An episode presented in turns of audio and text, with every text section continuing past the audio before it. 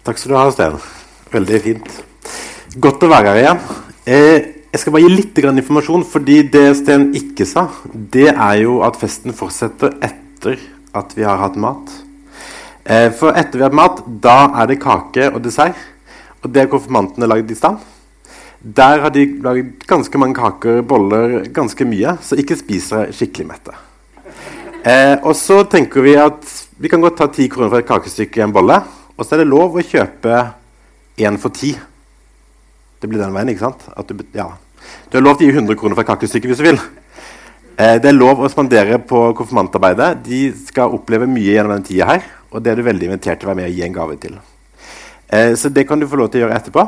Da kan du vippse på samme plass, og så skriver vi ned at det er gitt til det konfirmantarbeidet. Så det har vært veldig gøy at konfirmantene har vært med å lage det og lage et festmåltid for oss som er her nå i dag. Så det er kjekt. Og så skulle egentlig to konfirmanter ha lest en tekst nå. Men det ble et avbud på det, så da skal jeg heller lese den teksten som, som jeg skal tale over. Og den er fra Lukas 14, vers 15.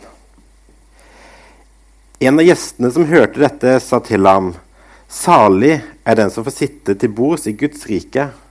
Men Jesus sa til ham, det var en mann som ville holde et stort gjestebud, og han innbød mange.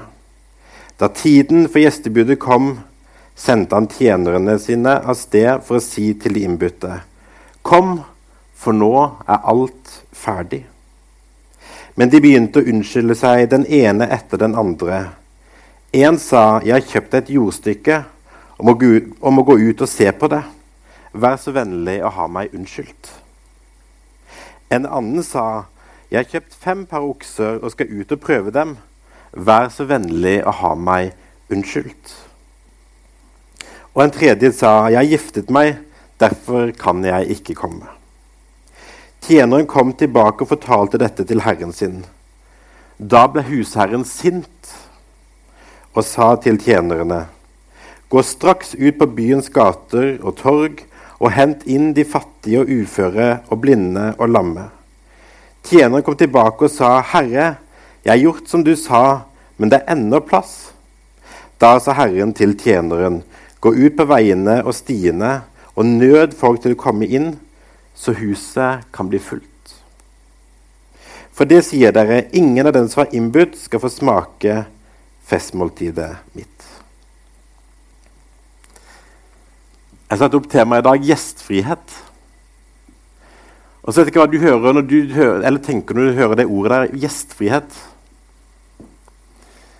For min del så ser jeg tilbake på en historie der jeg begynte i ungdomsarbeidet i Misjonskirka i Grimstad. der jeg vokste opp. Der hadde jeg en leder som het Per Arne. Han var teknisk ansvarlig, og han var min leder de neste fire-fem årene. Som liten gutt så sa jeg absolutt, eller som ungdom så sa jeg ca. ingenting. I konfirmantalderen så var jeg den mest beskjedne jeg tror kanskje jeg sa en ti ord i løpet av det halvåret der på de samlingene. Når lederen spurte veldig konkret ja, nei, jeg vet ikke. Det var litt min respons der. Så jeg skjønner godt at det kan være utfordrende å være konfirmant og bli utfordra på forskjellige ting. Men den lederen han tok meg under sine vinger. Han inviterte meg hjem. Han satt og spilte dataspill med meg. Han møtte meg på alle de områdene i mitt liv der jeg var og ga av seg sjøl. Åpna opp. Han var ti år eldre. Den gjestfriheten den sitter dypt inni meg enda. Resultatet av den. Møtet av en som omfavner deg der du er i ditt liv. Det betydde alt for min del da. Og enda bedre eller mer betydningsfullt var det da mine foreldre gikk inn i en skilsmisseperiode. Og han sier nå er mitt hus åpent, og du kan komme og gå akkurat slik som du vil. Alltid. Og så kan vi prate om det hvis du vil, og hvis ikke, så bare er vi sammen. Gjestfriheten, invitasjonen til å komme sammen, den er fantastisk god. Og så er den sårbar. Jeg bare spør, Skal jeg heller bruke en håndholdt mikrofon, eller går det greit? Det går fint. Fordi når, eh, når, denne mannen inviterer et gjestebud, hva skjer da? Han inviterer til en stor fest. Kanskje var det bryllup. Jeg vet ikke helt hva det var. Men han inviterer til fest. Kanskje har du også gjort det. Du har invitert dine klassekamerater, dine venner, dine kollegaer. Og så er alt klart, bordet er dekka, nå skal det bli bra. Og så tikker det inn en melding. 'Jeg kan dessverre ikke komme i dag.' 'Jeg har kjøpt en åker. Jeg har kjøpt fem okser. Jeg har gifta meg.' 'Jeg har noe mye viktigere egentlig jeg må gjøre enn det du inviterer meg til.' Kanskje kunne du heller sagt jeg har fått meg en ny Facebook-konto, ny Instagram. Jeg må passe på å gjøre disse tingene her. Jeg har fått en ny Nintendo Switch. Jeg har fått et eller annet nytt. Dette er mye viktigere enn å komme på besøk til deg. Det er det som skjer her.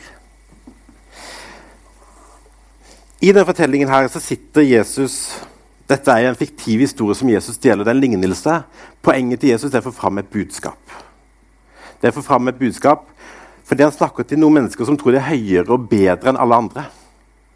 Jesus han sitter sammen med noen fariseere, altså de som er liksom i toppen av samfunnet på den tida der. Han sitter sammen med dem og spiser med dem. Og hva diskuterer de? De diskuterer hvem som er den største blant dem. Hvem som er mest å komme med. Og Kanskje kan det være litt sånn å tenke tilbake på min skolehverdag. Så hadde du de som var høyest oppe i klasseranksystemet. De som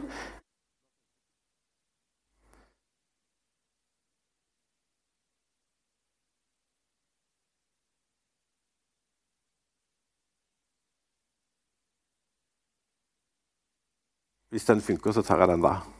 Jeg prøver det. Går det greit der bak? Ja, var den bedre? Ja, så fint.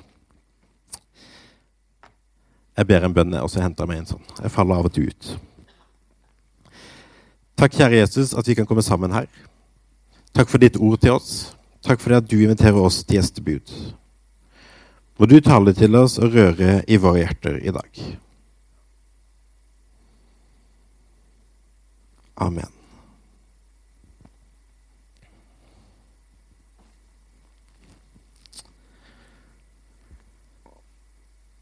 Jesus sitter altså sammen med en gruppe mennesker, og de prater sammen om hvem er den største. De diskuterer hvem skal få lov til å sitte lengst oppe med bordet. Og det er da Jesus tar denne historien her sånn, så sier han 'salig', altså lykkelig. Er den som får lov til å sitte til bords i Guds rike. Og hva handler dette om? Og Da er det tre ting jeg har tenkt. Det første det er invitasjonen hjem. Hjemmet Jeg vet ikke hva du tenker når du tenker på hjemmet ditt. Men hjemmet der tenker jeg det stedet der du kan slappe av, der du kan være deg sjøl, den du er. Hjemmet det er skjulested for stormen når alt annet rundt går galt. Når du føler at 'å, det kollapser rundt meg', så kan hjemmet være den plassen der du kan finne litt sånn skjulested og hvile. Hjemmet det er stedet for oppfriskning, stedet for å komme seg igjen etter at man er sliten, etter å være på tur. Og hjemmet det er alltid, eller ofte, godt å komme til. I alle fall det hjemmet Jesus inviterer til. Jeg husker jeg kom hjem til svigermor første gang jeg skulle besøke henne. Og Svigermor hun har et fantastisk fint, stort hus med en utsikt utover Horten som er helt nydelig ut i sjøen der. Og så kommer jeg og tenker jeg, wow, dette er fint. Og så kommer jeg tilbake da til leiligheten jeg bodde i i Oslo, der jeg så inn en murvegg. Og så tenkte jeg dette her, det er stusslig. Og så er det lett å begynne å sammenligne det en sjøl har, med det alle andre har. Og, og, det skulle jeg heller hatt. Det skulle jeg heller hatt. Og så tenker jeg sånn hjem vil jeg ha. Sånn har jeg lyst til at mitt hjem skal se ut. Hvis jeg får det, da kan jeg slappe av. Hvis jeg bare får disse tingene her, da skal alt bli bra. Og sannheten er jo at det var jo likevel deilig å komme hjem til leiligheten i Oslo, der jeg kunne senke garden enda mer og bare være meg sjøl. Fullt ut uten å ha noen tanker om hvordan andre ser på meg, hva andre tenker om meg, hvordan andre dømmer meg. Men da jeg kom hjem, så kunne jeg senke garden og slappe av. Hjemmet, stedet der jeg kan lade batteriene. Men også en sånn lengsel etter at hjemmet skal være absolutt skjønnhet, orden, trøst, komfort. Og så ser jeg mitt hjem. Hadde du kommet der i dag, der hadde det sett bomba ut. Og så skulle jeg så ønske det var ryddig. Det er ikke alltid sånn som jeg ønsker. Likevel så er det noe eget med det å komme hjem. Og det er noe eget med det å bli invitert hjem. Når jeg ser tilbake på denne ungdomslederen som jeg hadde Når han inviterte meg hjem, så var det ikke om alt var i orden og stell jeg så til, men det var det rommet å bare kunne være. Fordi når du kommer hjem, hva skjer da? Jo, du kan være den du er, usminka.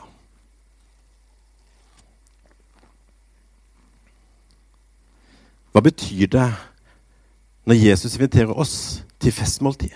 Hva betyr det når han inviterer oss hjem til å leve i festmåltid med han? Skaperen av alt, han som har kommet for oss. Hva betyr det at han inviterer oss hjem?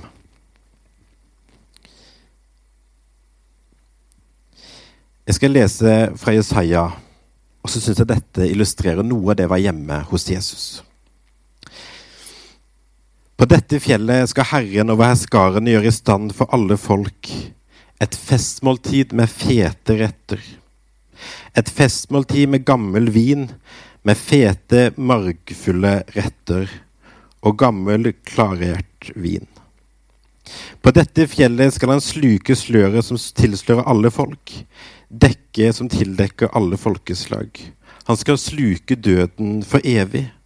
Herren Gud skal tørke tårene fra hvert ansikt. Han skal ta bort sitt folks vanære fra hele jorden, for Herren har talt. Sluke døden, tørke tårer, fjerne vanære, dekke festmåltid, invitere oss til fellesskap med Han. Og videre i vers 9.: Den dagen skal de si, se, dette er vår Gud. Vi håpet på ham, og han frelste oss. Det er Herren, vi håpet på ham. La oss juble og glede oss over hans frelse.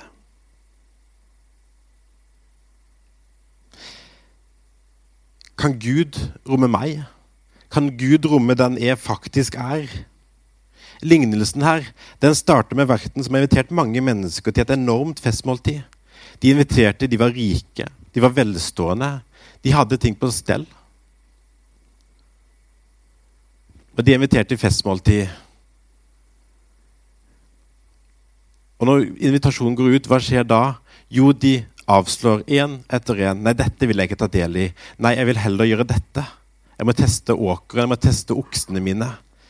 Jeg må være med kona mi istedenfor å komme på festen din. Og jeg kan kjenne meg igjen i alle tre. Jeg kan kjenne meg igjen i åkeren. Jeg husker Da vi bodde i Oslo, så kjøpte vi hus på Bryne. Vi hadde ikke sett huset vi kjøpte, og vi ante ikke hva vi kom til. Men jeg kunne sitte timevis og se på Finn på de samme bildene igjen og igjen. Hva er det jeg har kjøpt? Og etter jeg kommer bort dit, så kan jeg brukt dagevis, eller egentlig hele koronaåret, på å drive og pusse opp dette huset her, sånn at vi skal bli ordentlig fornøyde og skape vårt hjem. Jeg kan kjenne den dragningen mot å hele tida skal investere i noe og utvikle det. Jeg kan kjenne på de fem oksene ja, kanskje, hadde vært på Bryne, Det jeg kanskje snakk om traktor nå, men la oss heller si bil, da. Jeg har lyst på en ny bil, jeg har lyst på noe nytt. Jeg har lyst til å teste ut dette her. Og så gifta vi oss for to år siden. Og det er utrolig godt å være hjemme. Og jeg må innrømme at det er det beste jeg vet, faktisk. Det å være hjemme hos kona og barnet vårt. Det er noe av det nydeligste jeg kan tenke meg. Og så tenker jeg at alle disse tre tinga er fine ting. Materielle goder er ikke noe ondt i seg sjøl. Det er heller ikke noe ondt, tvert imot veldig godt, å gifte seg, stifte familie. Det er en av kallet, Gud, et av kallene som Gud gir oss å forme, formere og utvikle jorda rundt oss. Det er gudgitt. Men må disse gavene ikke bli til hinder for å ta imot festmåltidet Gud inviterer oss til. Vi kan bruke alle materielle goder, ekteskapet, til å ære Gud med. Vi kan, men vi kan også bruke det til å skyve Gud til sides og bort. Hvordan bruker du dine ting, det du har, i ditt liv? Lar du de bli til hinder for Guds invitasjon, eller løper du de i møte Gud med alt det du har i ditt liv, av dine goder og av dine sorger? Gud inviterer alle mennesker. Men hva skjer når disse har avvist Gud?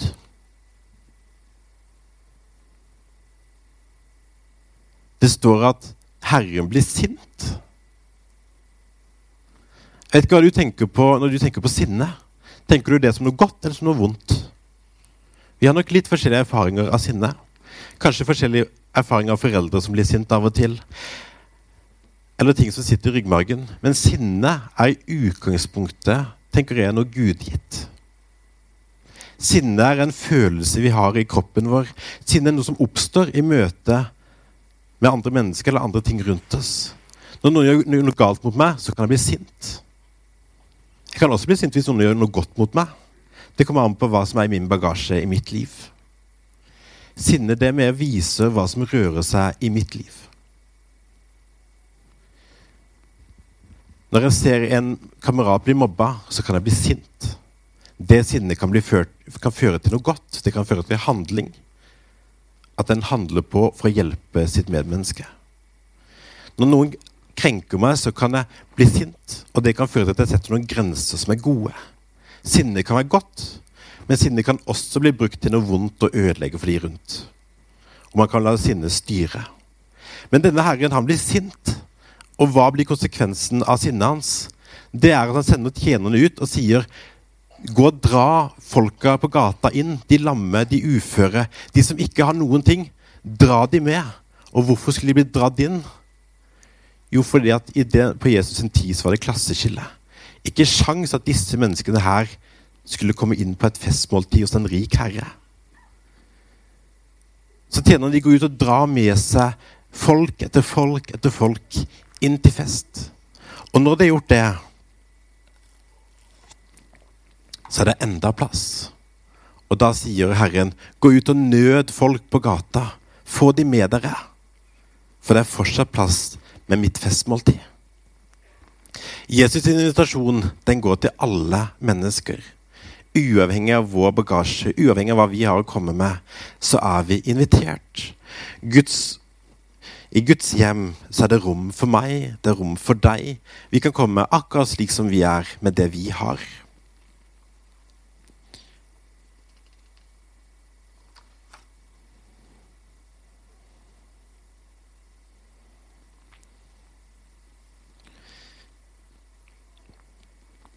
Kanskje kan vi si at det var to typer mennesker her. Det ene det var middelklassen. Det var de som tenker jeg er nok ikke perfekt, men jeg klarer det meste sjøl. Det er ikke så viktig med denne Jesus. Det er ikke så viktig med det festmåltidet hos han. Jeg klarer meg egentlig ganske fint sjøl. Det er viktigere for meg de tinga jeg har rundt meg. Det andre, det var de fattige. Det var de som tenkte jeg har ingenting. Hvis jeg blir dratt med her, ja, dette er en plass jeg vil. Fordi jeg har lyst til å bli kjent med Jesus. Jeg har lyst til å bli kjent med hvem han er.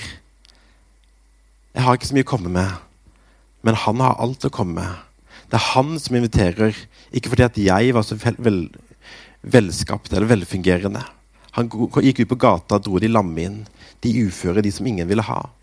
De tok Jesus til seg. Men han tok også de som inviterte alle mennesker, inkludert de rike og velstående. Men de ville ikke komme så går Jesus sin invitasjon ut til oss alle sammen. Vil du ta del i fellesskapet med meg? Vil du leve sammen med meg? For Guds nåde er altomfattende. Han inviterer til gjestebud, han inviterer til fest, og vi skal ha fest nå snart etterpå. Vi er til å leve med han.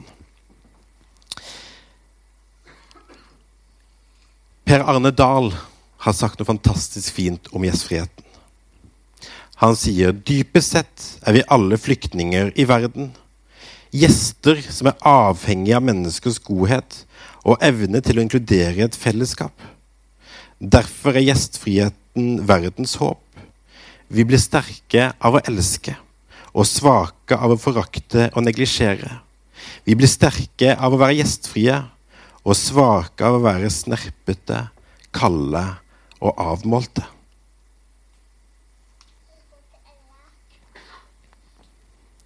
Det er en plass ved bordet hos Jesus for oss.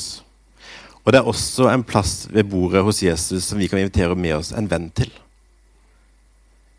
Vi blir utfordra på å være gjestfrie slik Jesus er gjestfri. Vi blir utfordra til å inkludere mennesker inn i våre liv, slik Jesus gjorde. Vi går inn mot en juletid. Og jula det er en tid med familie, med venner og mange rundt oss. Og jula er en tid for mye ensomhet for mange mennesker. Så er det noe fantastisk fint der jeg hørte en historie fra en familie på Bryne der de hver jul inviterte med seg minst to stykker som de ikke kjente, eller som de visste at disse er ensomme og har det vanskelig. Disse trenger å bli omfavna.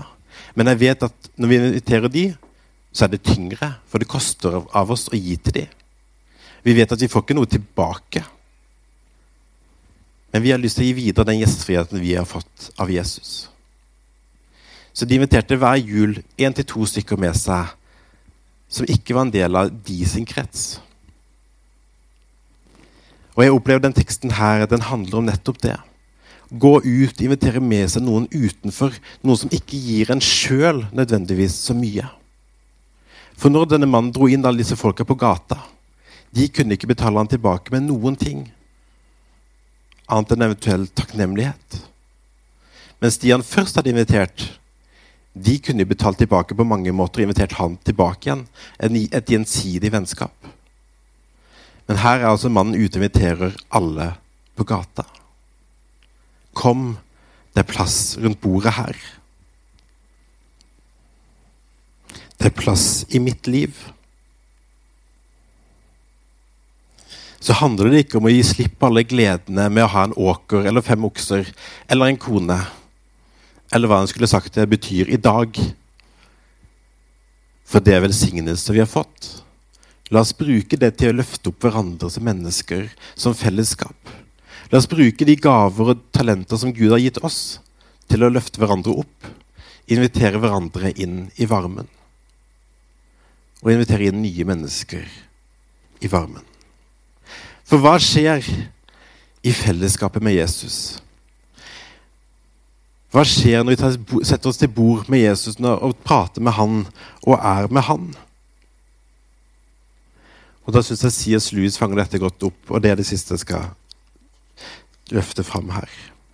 C.S. Lewis han sier når Gud gjester deg, når Gud tar bolig i ditt liv Du slipper han inn i livet ditt. Så står det at Gud han begynner å jobbe i deg. Gud kommer inn og bygger dette huset om. Til å begynne med forstår du kanskje hva han gjør. Han setter i stand avløpet, han stopper et hull i taket osv. Du vet at alt dette trengs, derfor blir du ikke forbauset. Men snart begynner han å banke rundt omkring i huset på en måte som gjør fryktelig vondt, og som du ikke skjønner meningen med. Hva i all verden er det han vil? Forklaringen er at han er i ferd med å bygge et helt annet hus enn det du hadde tenkt deg. Han fører opp en ny fløy her, legger et nytt gulv der, reiser et tårn og lager gårdsplasser. Du trodde du skulle bli et pent, lite hus, men han bygger et slott. Han akter å komme og bo i det selv. Forvandlingen Gud gjør i våre liv når han gjester oss, er at han bygger oss om. Ikke til de lave forventningene vi sjøl har om hva han skal gjøre med oss og våre liv, men han bygger et palass ut av det som kunne være et lite skjul. Når Gud tar bolig i oss, så former han oss. Han danner oss, han forvandler oss. Når Gud gjester oss, så skjer det noe med oss som folk. Ikke fordi at vi gjør så veldig mye riktig, men fordi han jobber i oss og skaper noe i oss. Og Den største tingen jeg tror han skaper i oss, det er hans kjærlighet som er virksom. Hans kjærlighet som er villig til å gå den ekstra milen for naboen. Hans kjærlighet som gjør at vi er villig til å gi litt ekstra trofasthet selv om det koster. Hans kjærlighet som gjør at du kan godt slippe inn noen mennesker i livet selv om det vil koste noe. Og kroneksempelet på den kjærligheten det finner vi da Gud selv ble menneske, tok bolig blant oss, ga avkall på sitt eget, på alt det han hadde, for å være vår tjener. For å løfte oss opp. Han ble hengt opp på et kors, forakta av folket. Han roper en gang 'Min Gud, min Gud, hvorfor har du forlatt meg?' Blir han kanskje også nesten utstøtt av treenigheten der? Eller hvordan skal du forstå det? Han ble i alle fall en opplevelse av gudsforlatthet. Han som var Gud sjøl, ga avkall på sitt eget. Det er den kjærligheten vi har fått. Det er den kjærligheten han forvandler våre liv og bygger oss til palasser med. For Gud er en Gud som er virksom i våre liv og som sender oss ut i verden med hans kjærlighet. Vil du ta inn og være et Guds barn og leve med Han fra i dag eller fra om du har gjort det før, og inn i evigheten? Der du er invitert inn i hans familie, inn i det dypeste hjemmet hans. Leve i det hjemmet. La det forme deg. og samtidig invitere inn nye mennesker til dette hjemmet her. Og så er Misjonskirka her på Stavanger en måte å forvalte nettopp den invitasjonen, der vi kan gå ut og dra inn mennesker til tro, til Kristus, og så kan de få møte med Han. Jeg vil be en bønn. Takk, kjære Jesus, for din rike nåde. Takk for det at du elsker hver enkelt av oss her. Takk for det at du inviterer hver enkelt av oss til fellesskap med deg. Herre, må du forme oss med din ånd. Må du røre i våre hjerter. Herre, vi ønsker at du skal ta bolig i oss. Og vi ønsker å ta del ved ditt festmåltid. Amen.